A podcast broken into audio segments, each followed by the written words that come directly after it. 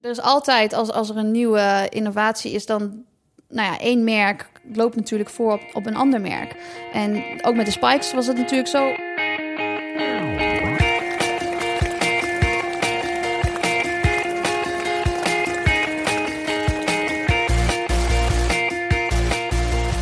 Welkom bij de 29e aflevering van Suzy Q&A, de podcast over hardlopen, training en wedstrijden. Ik ben Oliver Heimel, hoofdredacteur van Runners World. En naast mij, hier op de Runners World redactie, waar je de wind hoort zuizen.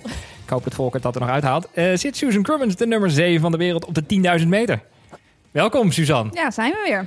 Hey, jij moest in Melbourne blijven in verband met de bosbranden. Vervolgens moest je met een mondkapje terugvliegen in verband met het coronavirus. Hoorde je dat je favoriete hardloopschoenen toch niet verboden werden. En eenmaal in Nederland werd je 10 kilometer afgelast in verband met de storm Chiara. Ik zeg Chiara, jij zegt wat? Ik zeg eh, Kyra, of niet? Nou, ik zeg Kira. Want het is Kira. eigenlijk toch een eerste naam, hè?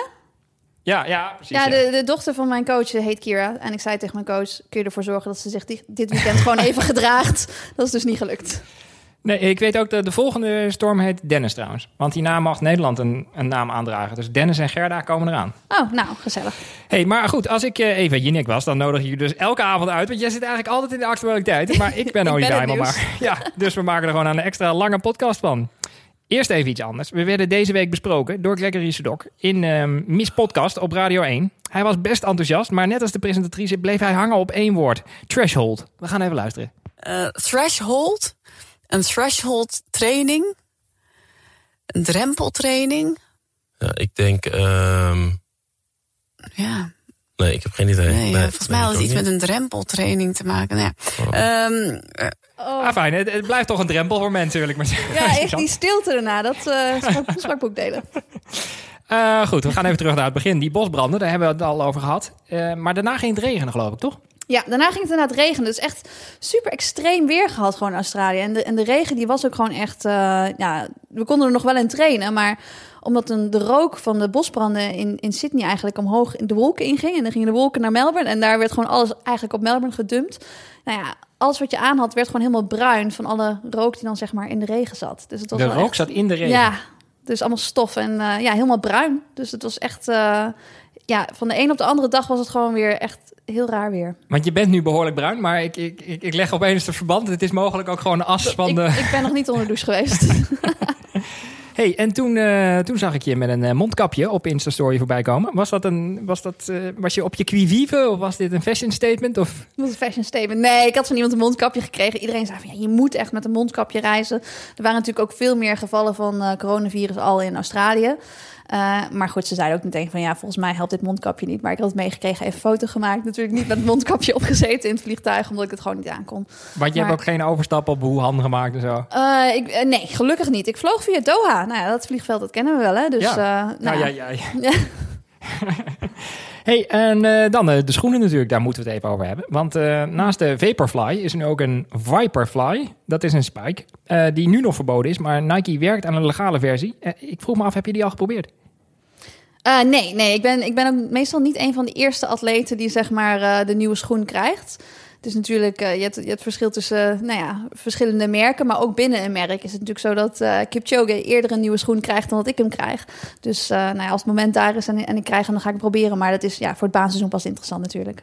Ja, want hoe werkt zoiets eigenlijk? Krijg je gewoon twee keer per jaar een, een grote doos met van alles erin en dan moet je daar zelf een beetje wijs uit worden, van dit zal wel een spike zijn? Of zit er een briefje bij van, we hebben nou iets bedacht met luchtkamers, echt eens proberen? Nee, het is meestal aan het begin van het baanseizoen. Dan, dan komt er altijd wel een nieuwe spike. Of, of soms is het vlak voor een toernooi dat er een nieuwe spike komt. En dan, nou ja, dan krijg je gewoon een mailtje van... Nou ja, eh, wil je nog steeds dezelfde maat? Eh, we sturen hem naar je op. Dus je weet dan dat het eraan komt. Maar heel vaak zie ik het natuurlijk eerder gewoon... eh, ja, gewoon op het, in- op internet, op social media, op de Nike webpage... Ja, iets over de nieuwe schoen. En, en daarna pas, ja, als, het dan, als de schoen er is... Dan, dan weet ik er eigenlijk al alles over. Want je krijgt niet nog een persoonlijke toelichting van... persoonlijke toelichting. Eh, ja, meestal is dat niet nodig. Kijk, als ik er vragen over heb, dan, dan, dan, dan kunnen ze die natuurlijk wel beantwoorden. Maar ja, er hoeft niet echt een gebruiksaanwijzing bij. Gewoon hardlopen. En ehm, in de tussentijd, ja, ik weet niet of je dat in Australië hebt meegekregen, maar in Nederland waren er best wel hoge emoties over, eh, over schoenen. Ja. Ja, natuurlijk is het natuurlijk met, die, met, met de regelgeving. Daar is het eigenlijk natuurlijk een beetje misgegaan. Het heeft gewoon veel te lang geduurd. Ehm, kijk, sommige atleten, vooral natuurlijk die niet door Nike zijn gesponsord, eh, zijn boos op Nike omdat ze dan met de Vaporflies kwamen. Maar ja, ieder merk heeft gewoon het recht om te innoveren. En Nike heeft daar gewoon gebruik van gemaakt. Maar de fout ligt eerder bij World Athletics of bij IAF omdat ze gewoon uh, ja, geen regels hebben gemaakt. Dus nou ja, niemand wist eigenlijk waar ze aan toe waren. En nu, nu, is die, nu zijn die regels er dus wel. Dus een, een zool van een wedstrijdschoen mag ma maximaal 4 centimeter dik zijn. Er mag maar één carbonplaat in. En de schoen moet vier maanden al op de markt zijn. Dus je kan niet in een prototype lopen. En dat betekent eigenlijk dat iedereen dus de kans heeft om een schoen te kopen of te testen voordat ze erin gaan lopen. Um, maar ja, ja, ja maar dat gaat eigenlijk heel, zo, heel vaak zo met innovatie, toch? Ik weet nog uh, in de Tour van 89, toen won Greg LeMond op 8 seconden... Om, omdat hij, volgens de kenners, voor het eerst een spaghetti-stuur had gebruikt. Ja. En toen zei ze na een tijdje, nou, dat is een beetje te heftig, een spaghetti-stuur... maar een triathlon-stuur, dat gaan we nu wel toestaan. En dat is gewoon al jaren toegestaan. Dus is het niet een soort natuurlijke beweging in innovatie? Ja, dus zo is het zeker. Dus er is altijd, als, als er een nieuwe innovatie is... dan nou ja, één merk loopt natuurlijk voor op, op, een ander merk. En ook met de spikes was het natuurlijk zo. Ooit was er iemand die voor het eerst in spikes liep. Nou, niet iedereen liep meteen in spikes. Maar uiteindelijk zijn de andere merken ook spikes gaan maken. En van, dan wordt het vanzelf weer eerlijk. Alleen uh, ja, het merk dat natuurlijk het risico neemt en, en, en probeert iets nieuws uit te vinden. Dat, ja, dat merk loopt een stapje voor. En heel vaak is dat nu inderdaad Nike. Maar wat ze nu gedaan hebben met de Vaporfly is eigenlijk ook niet eens nieuw. Want nou ja, blijkbaar was, was er al een schoen van Fila met een met een uh, Ja, Reebok had ook zo'n uh, zo'n plaat, ja. Ja, en daar zijn ook gewoon wereldrecords mee gelopen. En, en, en dat was toen geen probleem. Uh, en Zoom X Foam, dat is natuurlijk het schuim wat ze in gebruiken, wat, wat dan uh, ja, meer energy return. Dus eigenlijk verlies je niet zoveel energie ja, bij iedere pas. Um, dat is ook niet nieuw, want ja, Adidas had Boost een aantal jaar geleden. En daar werd toen ook uh, in korte tijd mee ik geloof twee keer zelfs het wereldrecord op de marathon ja, verbeterd. Ja, Dennis liep er ook op. Ja, ja, dus nou ja, en dat was toen ook geen probleem. Alleen nu is, is het probleem alleen maar omdat ja, Nike heeft dan een soort van ja, perfecte formule gevonden van al die nieuwe uh, technologies en het in één schoen gestopt. En dat is een heel mooi product. En, en, ja, daardoor is het heel snel vooruit gegaan. Maar ja, de andere merken zullen dat gewoon bijhalen. En je ziet nu ook dat heel veel andere merken nu ook andere schoenen uitbrengen. Ook met een carbonplaat, ook met schuim. Dus nou ja, ik, ik denk dat het uiteindelijk alweer gelijk getrokken wordt. Ja, een uh, van onze redacteuren had deze week ook een interview met de ontwerper van uh, Hoka. En die vertelde dat, uh, dat de eerste Hoka's er eigenlijk heel erg uitzagen als de Vaporfly. Ja. Een paar jaar geleden al. Dat de, dat de ontwerper van Hoka toen naar Nike is gegaan. Ja. het is eigenlijk die techniek. Hè. Het gaat vooral om die foam. En ja. die, die plaat zit erin om dat ding een beetje stabiel te houden. Want het is net als, alsof je op watten loopt, zeg maar, zonder zo'n plaat. Ja. Dus op een of andere manier is het woord springveer ook heel erg gaan rondzingen. Van er zit een veer in. Ja, nee, je krijgt natuurlijk niet meer terug dan dat je erin stopt. Dus ik, ik loop ook hele slechte wedstrijden op de Vaporflies. En dan word je er ook weer even aan herinnerd van... ja, die schoenen die brengen je niet naar de finish. Je moet Nee. het nog steeds zelf doen, weet je wel. Je moet nog steeds trainen. En ik, ik train ook eigenlijk niet zoveel in de Vaporflies. Ik train heel veel in andere schoenen. En ik merk dat ik in andere schoenen, zeg maar... als mijn baantrainingen doe, loop, loop ik in een Zoom Elite of een Zoom Rival. Nou ja, daarin kan ik ook gewoon hard lopen. Dus het is niet zo dat ik heel erg afhankelijk ben van de schoen. Maar wat ik wel merk is gewoon dat ik beter herstel van mijn wedstrijden. Veel minder Achillespeesproblemen, veel minder kuitproblemen. En in het verleden was het wel eens zo dat ik een wegwedstrijd liep... en daarna een week lang alternatief moest trainen... omdat ik overal last van had. En dat is nu veel minder zo. Dus ja, ik word daar alleen al heel erg gelukkig van. Dus als ik Vaporfly zie... of zelfs als ik iemand anders met Vaporfly zie lopen... dan heb ik een soort van uh, plaatsvervangende blijdschap gewoon. Omdat iemand op de, iemand op de Vaporflies kan lopen. Ja, ik train er ook niet zoveel op, maar dat heeft natuurlijk een hele andere reden. Ik betaal gewoon mijn eigen schoenen. En 250 euro voor een schoen waar je ongeveer 250 kilometer op kan lopen. Ja. Dat, is een, dat is een euro per kilometer. Dus dan denk je niet bij je duurloopje... Ik Ga ga je eventjes- er even 22 euro op stuk slaan. Nee, en je moet het ook gewoon bewaren voor je wedstrijden, toch? Maar Precies. uiteindelijk is het nog altijd goedkoper dan een fiets. Ja, nou, dat vind ik een prachtige afsluiting. Ehm, dan eh Kiara. Kiara. Toen eh, de CPC vorig jaar maart werd afgelast wegens code geel en windvlagen tot 100 km per uur, toen vroeg jouw eh, man Andrew 's ochtends, what does afgelast mean? Ja, je zegt afgelast. Afgelast. Ja, en hij weet nu heel goed wat afgelast means. Want hoe ging het deze keer? Was je wel een beetje erop bedacht dat het Oh. mogelijk afgelast kon Ja, ik probeer natuurlijk weer zo lang mogelijk te slapen, zo laat mogelijk wakker te worden. Dat probeer ik altijd op wedstrijddag. Dus ik werd ook echt pas om acht uur wakker. En toen, eh, nou ja, telefoon aan, een beetje scrollen. Ik, ik had het ook echt, ik dacht niet eerst van ik ga op de website kijken, want het gaat gewoon door. Want nou, iedereen zei de avond van tevoren, het gaat gewoon door.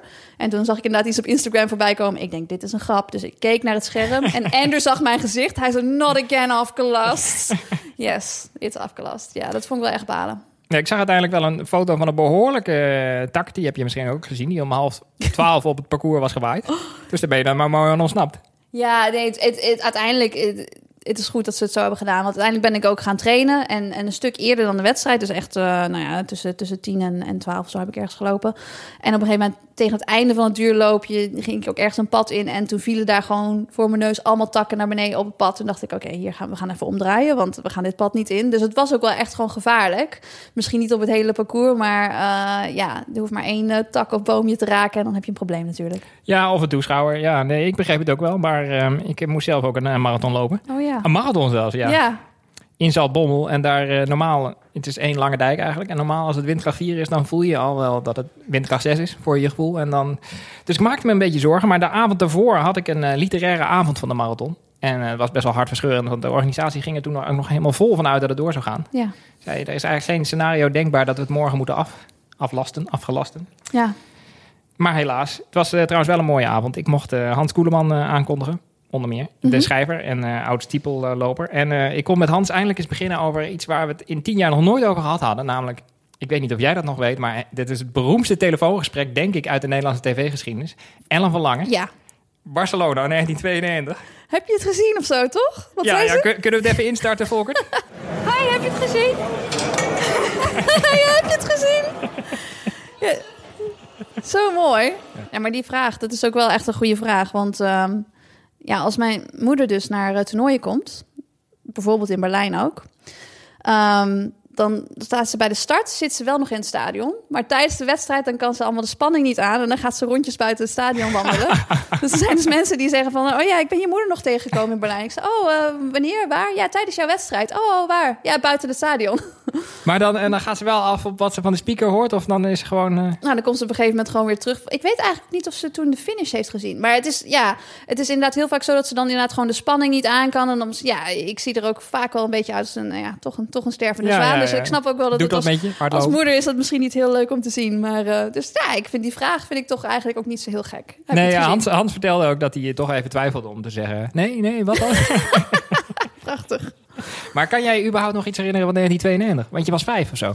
Nee, dat heb ik later gezien. Nee, dat heb ik, uh, dat heb ik niet toen gezien. Ik, ik weet dat van later natuurlijk, want ik was wel echt super fan. Als junior was ik super fan van Ellen van Lange. Ik heb nog wel naar uh, geef, geef Nooit opgeschreven van... ik wil een keertje met Ellen van Lange trainen. Heb ik trouwens Oh. nog steeds niet gedaan. Moet ik een keertje doen. Echt waar? Ja, dat uh, dan grijp je kans.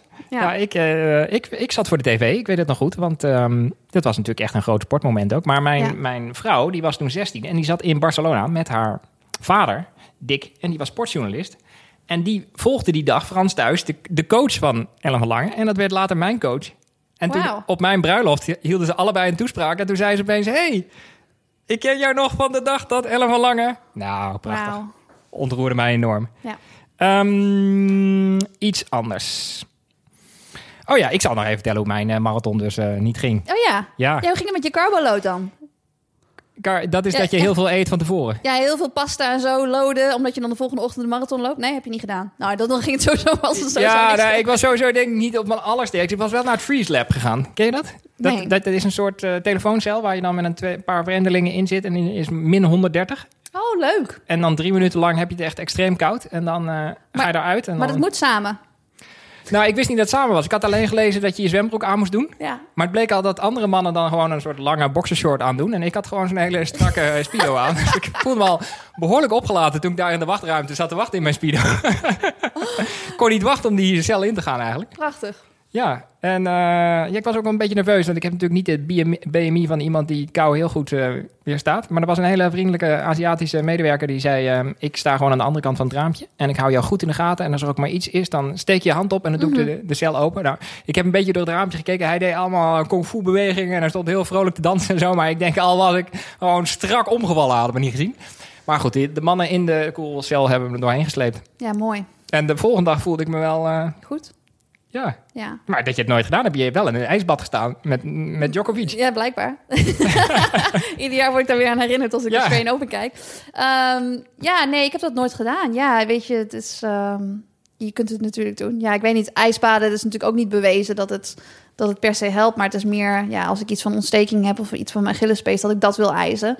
Ehm, verder vind ik ijsbaden, vind ik, een- ik ben ook niet zo goed met kou eigenlijk.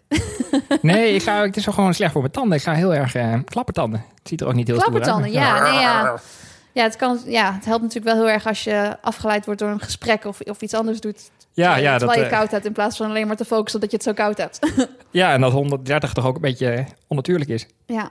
Ehm, maar goed, ik, ik zou dus in Zaltbommel mijn eh, marathon lopen. Ik heb natuurlijk in 2018 een marathon gelopen. Die, eh, die was heel koud en heel winderig in Utrecht. En eh, toen waren de laatste paar kilometer waren echt verschrikkelijk. En toen liep ik vorig jaar een marathon in Amstelveen. En toen heb ik hem natuurlijk niet uitgelopen. Een paar dagen later werd mijn vrouw ziek. Ik zou toen Rotterdam lopen, maar die kon ik dus net niet lopen omdat zij ziek werd. En toen, toen dacht ik natuurlijk, oh, ik had nooit moeten opgeven. Dus ik dacht, wat er ook gebeurt, ik ga deze marathon lopen. Maar ja, toen hoorde ik al die verhalen over die wind. En iemand die avond van tevoren zei ook... we denken dat jij met jouw lengte en gewicht als eerste van de dijk af gaat morgen. dus ik dacht, ja, ja dat, dat denk ik eigenlijk ook. maar ik dacht, ik ga gewoon door. Dus ik werd midden in de nacht al echt zwetend wakker. Echt, dat is niet goed voor een marathon. Want je denkt natuurlijk, oh, dit moet ik allemaal weer bijdrinken. En toen kwam mijn dochter om zeven uur en die zei ook... eh, papa, ik wil echt niet die dijk op. Want ja, ik had mijn dochter klaargezet om een drankje aan te geven op die dijk en zo. Dus ik dacht, wat doe ik iedereen aan? Dus ik, ik was zelf ook wel een beetje opgelucht, denk ik. Maar ik had wel te doen met de organisatie, ja. Ja. Ja, het is gewoon... eh, dat is beter zo. Ja, het was, het was wel super extreem geweest. Was wel, ik denk wel dat het goede verhalen waren geweest als je de marathon had gelopen. Nou ja, dat had eh, ik die avond ervoor ook gezegd. Want het is zeker eh, goed voor epische verhalen in onze podcast. Ja, nu hebben we dus niks, niks om over te hebben. Nee, dan zullen we zelfs iets episch moeten verzinnen. Laten we het, ik had trouwens wel echt stalen benen ook de volgende dag toen ik toch ging lopen. En ik denk dat ik gewoon te lang gestaan heb. Zou jij gaan staan de avond voor de marathon? Of zou je gewoon op een bed gaan liggen? Ik denk tegenwoordig heel vaak, wat zou Suzanne doen? Wat zou Suzanne doen? Nee, ik zou niet gaan staan, nee. Nee. Nee, maar dan heb je op een podium, dan kan je toch moeilijk gaan zitten. Hoezo? Kun je toch gewoon eh, een barkrukje neerzetten? Ja, dat had Ja. ik misschien moeten doen. Ja, maar goed, volgende was, keer. Ik zou het gewoon vragen. het was hartstikke leuk. We gaan het volgend jaar weer doen. Ja. Even, hoog tijd voor ons eerste segment. Ask Suzy, stuur je vraag in. Dan beantwoorden Suzanne en ik die hoogstpersoonlijk in de uitzending. Een eh, eerste vraag van Patrick Vroonland. Suzanne deelde een tijdje terug, niet voor het eerst, een foto van haar voet met een stuk huid. Dat is gedrocht van mij. ja, niet voor het eerst ook. Ehm, heel goed Patrick, beetje streng zijn. Losgekomen door een blaar. Hoe komt dit? Te veel, te weinig eelt, verkeerde schoenen. En hoe is je eerste loopje na zoiets? Ik vond het een goede vraag. Ja, dat is een hele goede vraag. Verkeerde schoenen? Nee, natuurlijk niet. Nee, ehm, eigenlijk krijg ik heel vaak dat soort blaren als ik veel op een loopband loop. En als het ook vochtig is. Dus het is eigenlijk één of het ander. Want Maar een loopband is zelden vochtig, toch? Wat voor, wat voor Nou, als je sportscholen bezoek jij? op een Alte G bijvoorbeeld, als je op een Alte G loopt, dat is Oh, dat je in zo'n luchtbel loopt. En dat is natuurlijk afgesloten, want er wordt dan die lucht ingeblazen, dat je dan een percentage van je lichaamsgewicht loopt. Dat betekent ook dat het in die bel wordt het gewoon super vochtig, want je bent aan het zweten. En dat is gewoon, ja, luchtdicht natuurlijk, want anders dan tilt het je niet op. Dus nou ja, als ik daar heel veel op train, ehm, als ik dus, nou ja, terug gaan komen van een blessure of zo, dan, dan krijg ik sneller een blaar. En dan is het inderdaad wel altijd op diezelfde plek. Ehm, en nu was het zo met de bosbranden, kon ik inderdaad niet buiten trainen in Australië. Een aantal dagen achter elkaar. En toen moest ik ook een kwaliteitstraining op de loopband doen. Ja, en toen begon die huid al een beetje, die was een beetje verschoven op een gegeven moment. En het was super warm in de sportschool ook, want ze, ze konden ook Ja. normaal, ze hebben daar geen airconditioning. En ze dachten van, nou ja, als het dan te warm wordt, dan, dan gooien ze gewoon de deur open. Maar ze konden nu ook de deur niet open houden vanwege de rook, want die kon natuurlijk niet naar binnen komen. Dus nou ja, ik, ik weet dat het daaraan ligt. En ja, ik loop dan op een bepaalde manier die, die misschien niet goed is op een loopband. Ik, ik vind ook dat ik zelf niet super efficiënt ben op een loopband. Dus misschien schuif ik wel wat te veel met mijn voeten in mijn schoen. Terwijl ik. eh, Ik heb wel lopen altijd als, als er 16 per uur staat, dan denk ik, nou, dit voelt als 20. Heb je dat niet? Ja, nou, het is heel interessant. Omdat dus ehm, de hele groep moest nu op de loopband die kwaliteitstraining doen. Dus normaal trainen we allemaal samen. En iedere week weten we dat we samen die training kunnen doen. En dat we dezelfde tijden kunnen lopen. En toen werden we opeens allemaal op verschillende loopbanden gezet. En kon iedereen een beetje vergelijken van, nou, hoe voelde het? Was het makkelijk? Was het moeilijk? En het was inderdaad ongeveer 50-50 met de groep dat de ene helft zegt van, nou, dat is echt zo makkelijk als je 320 tempo op de loopband loopt. Net of je een duurloopje aan het doen bent. En ja, ik was dus aan de, van, de andere, van de andere groep. Ik was meer van, nou, 320. Ik had het gevoel dat ik eh, echt eh, all-out eh, wedstrijdtempo aan het lopen was. Dus ik denk dat het heel erg aan je techniek ligt. Ja, Elliot Kipchoge komt ook niet vooruit op een loopband. Daar hou ik me Is dat zo, ja? Ja, ja, ze hadden toen dat testje gedaan. eh, toen, eh, toen ze voor het eerst met drie mannen onder de twee uur wilden lopen. En hij was bijna niet uitgekozen, omdat zijn loopbandtest zo slecht was. Ja, wauw. Ja, dus groot moest zelf zeggen, hij geloof me, hij kan echt behoorlijk hard lopen. Ja, hij heeft gewoon een weg nodig. Het komt er gewoon even niet uit. hey, eh, een tweede vraag van Elsa Martens. Ehm, waar gaat de spanning voor jou voor een wedstrijd zitten? Slaap je dan slecht? Word je misselijk? Of ben je nooit gespannen? Ah, spanning. Nou... Nee, ja, ik kijk altijd, altijd heel erg uit naar een wedstrijd. Dat is het eigenlijk. Dus ik, ik, het is niet zo dat ik heel gespannen ben. En zelfs voor een groot toernooi, zeg maar Olympische Spelen, WK, EK... Ik, je bent er dan zo lang naartoe aan het werken... dat het eigenlijk ja, fijn is dat je bijna je wedstrijd mag gaan lopen. Dus ik, ik ja, ik Oh, ik wou dat ik jou was. Maar was je dan niet nerveus voor je eindexamen, je rijexamen? Ja, maar dat is anders. Met, met hardlopen heb ik meer het idee dat ik... Ik weet wat ik, wat ik in heb gestopt qua training... En, en ik weet wat ik kan verwachten. En ik weet dat ik altijd alles geef. Dus ik kan mezelf eigenlijk niks kwalijk nemen. Dus het is, ik weet dat ik geen mentale blokkade heb... dat ik misschien niet eh, alles laat zien wat ik in me heb. Je wil Dus- geen namen noemen, maar... Zijn gewoon mensen die dat hebben. Ja. Nou nee, dat lijkt me vervelend. Ik weet gewoon altijd dat ik, dat ik gewoon het, het, het maximale heb gegeven. En het- soms ben ik nerveus voor een wedstrijd als ik een blessure heb gehad in de aanloop. En als je pro- probeert een limiet te lopen. Bijvoorbeeld in Nijmegen heb ik nu al een paar keer bij, eh, bij Next Generation Athletics natuurlijk gehad... dat ik Ja. ja. eigenlijk niet goed voorbereid was... en toch een tijd wilde lopen waarvan ik niet wist of ik het kon. Dan ben ik zenuwachtiger dan dat ik op een groot toernooi sta... en heb, zoiets heb van, nou, ik ben nu op hoogte geweest. Ik heb in St. Moritz bijna alles kunnen doen wat ik wilde doen. Ik, ik ben er klaar voor, dan heb ik er gewoon zin in. Maar als je dan zenuwachtig bent, slaap je dan slecht? Of? Nee, maar ik ben nooit zenuwachtig zo ver van tevoren. Dat is echt... Die zenuwen, dat, dat, dat zou pas komen. Kijk, want ik... Je doet natuurlijk je warming-up. Daar begin ik ongeveer een uurtje voor de wedstrijd mee. En dan 20 minuten van tevoren ga ik de callroom in. En dan, nou ja, dan praat ik altijd nog even met Nick als hij er is. En dan ga ik naar de callroom in. En dan sta je er alleen voor. Dat is het moment dat ik het meest zenuwachtig ben. Dus dat is eigenlijk 20 minuten voor de wedstrijd. En zodra ik de baan op kom, heb ik zoiets van... Yes, we gaan ervoor. Ach. Hey, een vraag van... Dit is een ingewikkelde naam. Ik ga het gewoon mijn best doen. Eh, Lionel Petitio, denk ik. Ehm, hij vraagt... Ik hoor jullie vaak over hoogtestage. Het lijkt me ook interessant om dit zelf eens te ervaren. Hoeveel kan een hoogtestage bijdragen aan de wedstrijdvoorbereiding van een ambitieuze recreant? Met een beetje passen en meten is het prima te combineren met een mooie vakantie, lijkt me. Ik ben benieuwd naar jullie ideeën. Ja, ik denk zeker. Want heel vaak, ja, die, zeg maar, ik ben natuurlijk in St. Moritz een aantal keer geweest, maar ik ben ook een keertje in Fontremeu geweest. Fontremeu is iets goedkoper, maar wel wat meer, ja, eh, ja, meer stenen, een beetje een moeilijker gebied om in te lopen. Ehm, maar als je daar in de zomer heen gaat, is het natuurlijk super mooi weer. En ik denk dat het wel leuk is om er een soort van working holiday van te maken. Een beetje trainen, een beetje, een beetje vakantie. Ehm, en ik denk ook gewoon dat het voor iedereen die het langere afstanden loopt, dat het ook kan helpen om, om harder te lopen.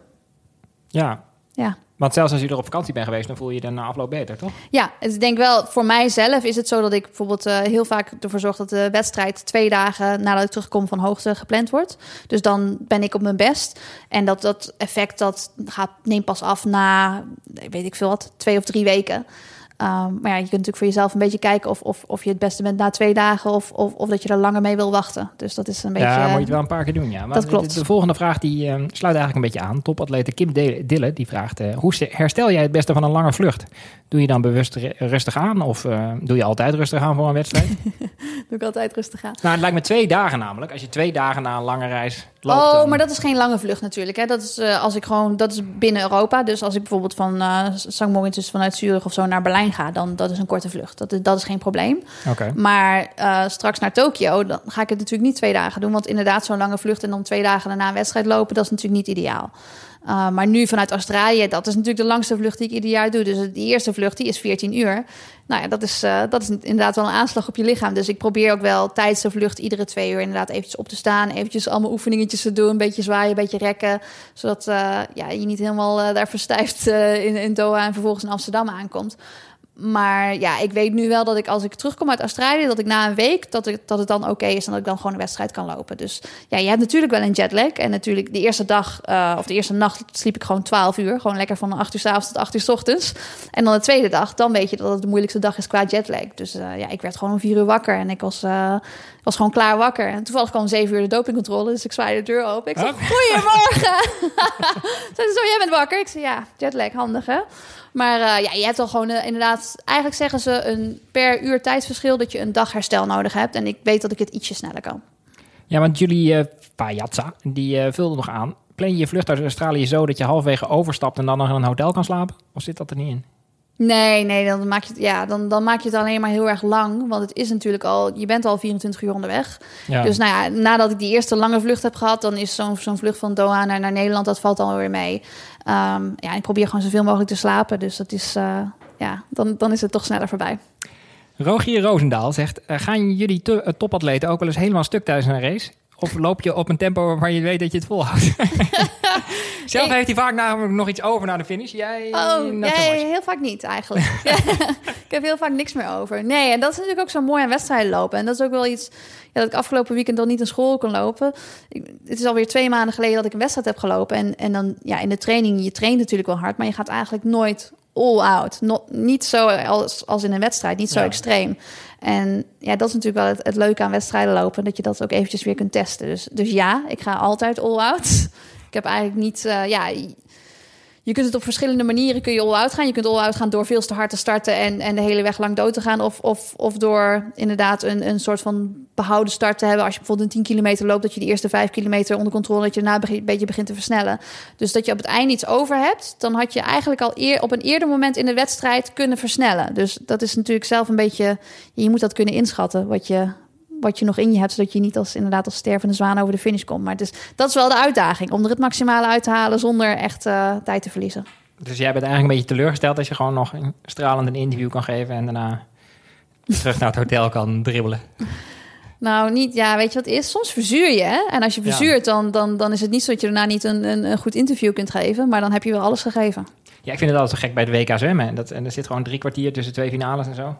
Dat gaat achter elkaar door. Terwijl Ja. wij lopers, eh, die zijn gewoon een week niks waard. Nee, ja, dat klopt. Ja, hoe langer de afstand, ik denk hoe, ja, hoe, hoe langer het duurt voordat je ervan van herstelt. Daarom kun je natuurlijk ook niet zoveel marathons in een jaar lopen.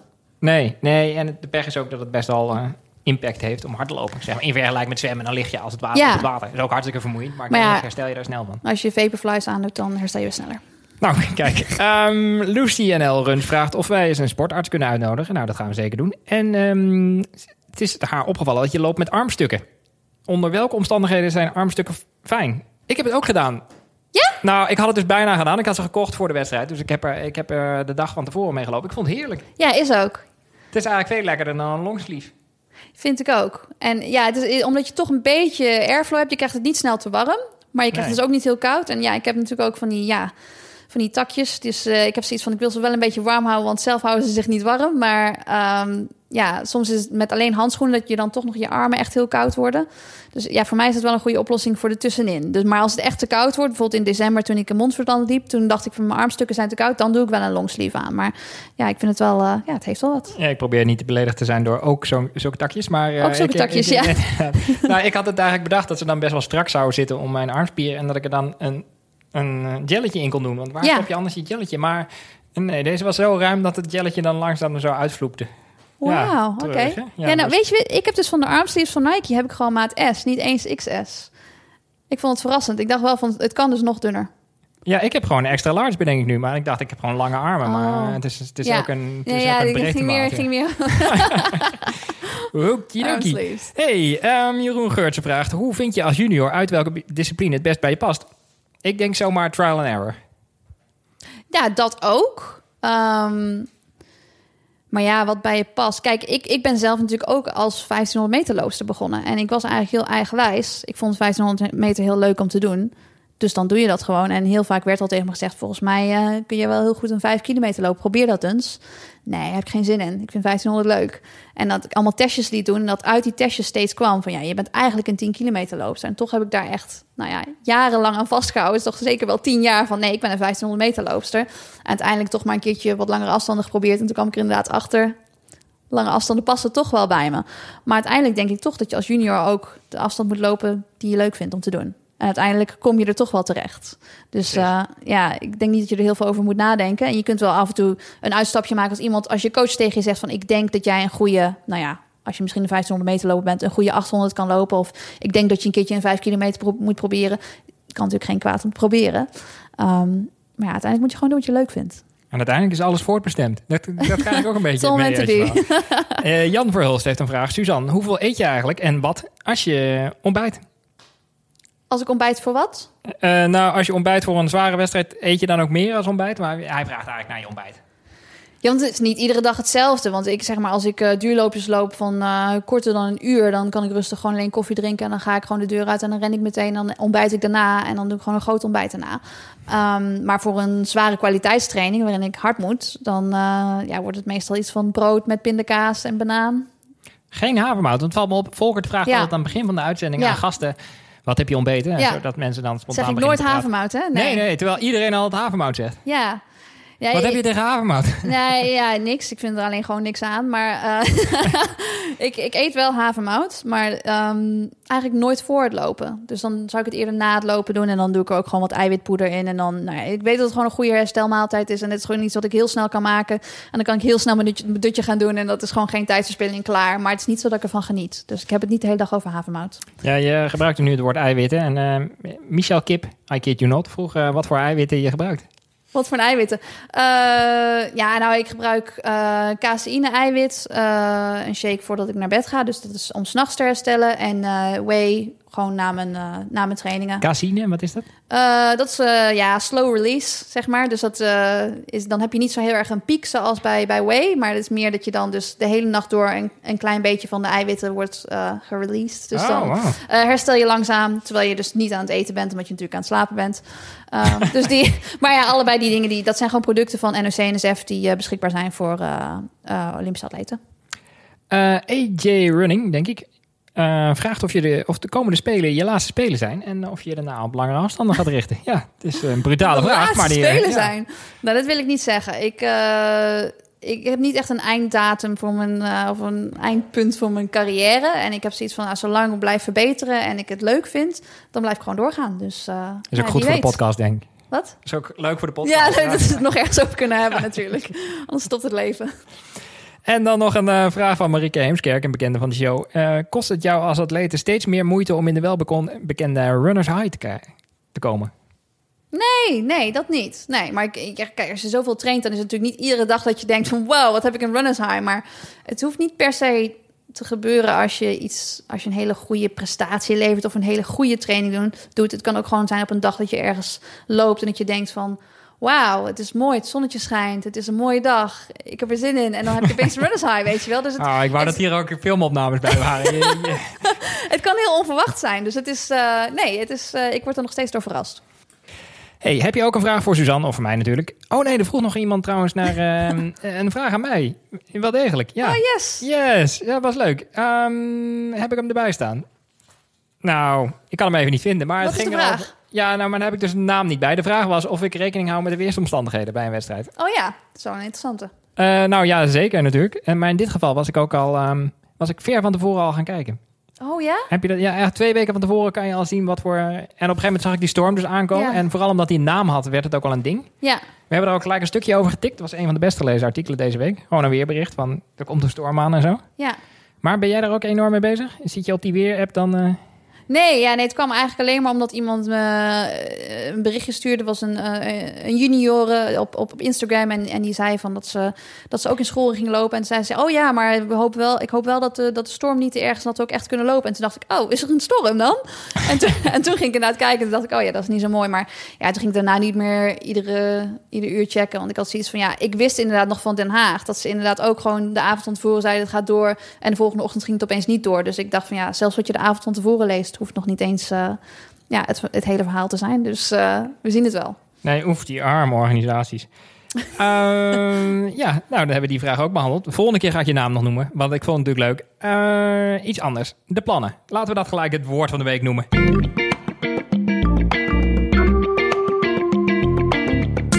De plannen. Wat zijn je plannen nu voor de De- komende tijd? De plannen. Eh, nou, ik ga nu gewoon weer trainen. Ja, weet je, ik, ik had het leuk gevonden als ik nu gewoon een harde 10 kilometer had gelopen. En dan, eh, dan had ik kunnen zeggen van, nou, ik sta hier en, en hier moet ik nog beter in worden. En, en dit moet er nog anders. Dus dat is wel een beetje jammer dat ik nu die informatie niet heb. Maar ik ga wel gewoon door met trainen en vooral veel basis, veel kilometers maken. Eh, misschien nog ergens een wedstrijdje en dan in april weer op stage. Ja, want hoe werkt het eigenlijk? Ben je nou nog steeds verdedigend kampioen op de 10 kilometer op de weg? Blijf je dat nog een extra jaar nu? Ja, ik denk het wel. Oh ja, ik zag trouwens wel dat, dat was wel heel leuk, dat een, een aantal van de, van de mannen inderdaad wel eh, ook de 10 kilometer ronde gewoon gelopen hebben als wedstrijd. En volgens mij hebben ze ook hun startnummer opgedaan en ze hebben gewoon het, het alternatieve NK gelopen. En daar kwam uiteindelijk ook een winnaar uit. Eh, Ah. Ik weet eigenlijk niet meer precies wie het was, maar ik weet wel dat het een snelle tijd was. Het was echt eh 30, 25 of zo. Want uiteindelijk stond de wind dus ook eigenlijk best wel goed, omdat je gewoon Ja, ja, in de rug had. Ehm, dus dat was wel leuk. Dus uiteindelijk is er wel een soort van NK geweest. Maar volgens mij hebben er geen vrouwen aan meegedaan. Dus ik ben denk ik nog wel de defending champ. Woe! Ja, bij kickboksen werkt het zo. Ja, Hey, zo zijn we helaas aan het einde gekomen van deze 29e aflevering van Suzy Q&A. Dank Volkert, onze technicus van Dag en Nacht Media. Dank Suzanne en dank u, beste luisteraar, voor het luisteren. Ook namens Suzanne, blijven luisteren en lopen.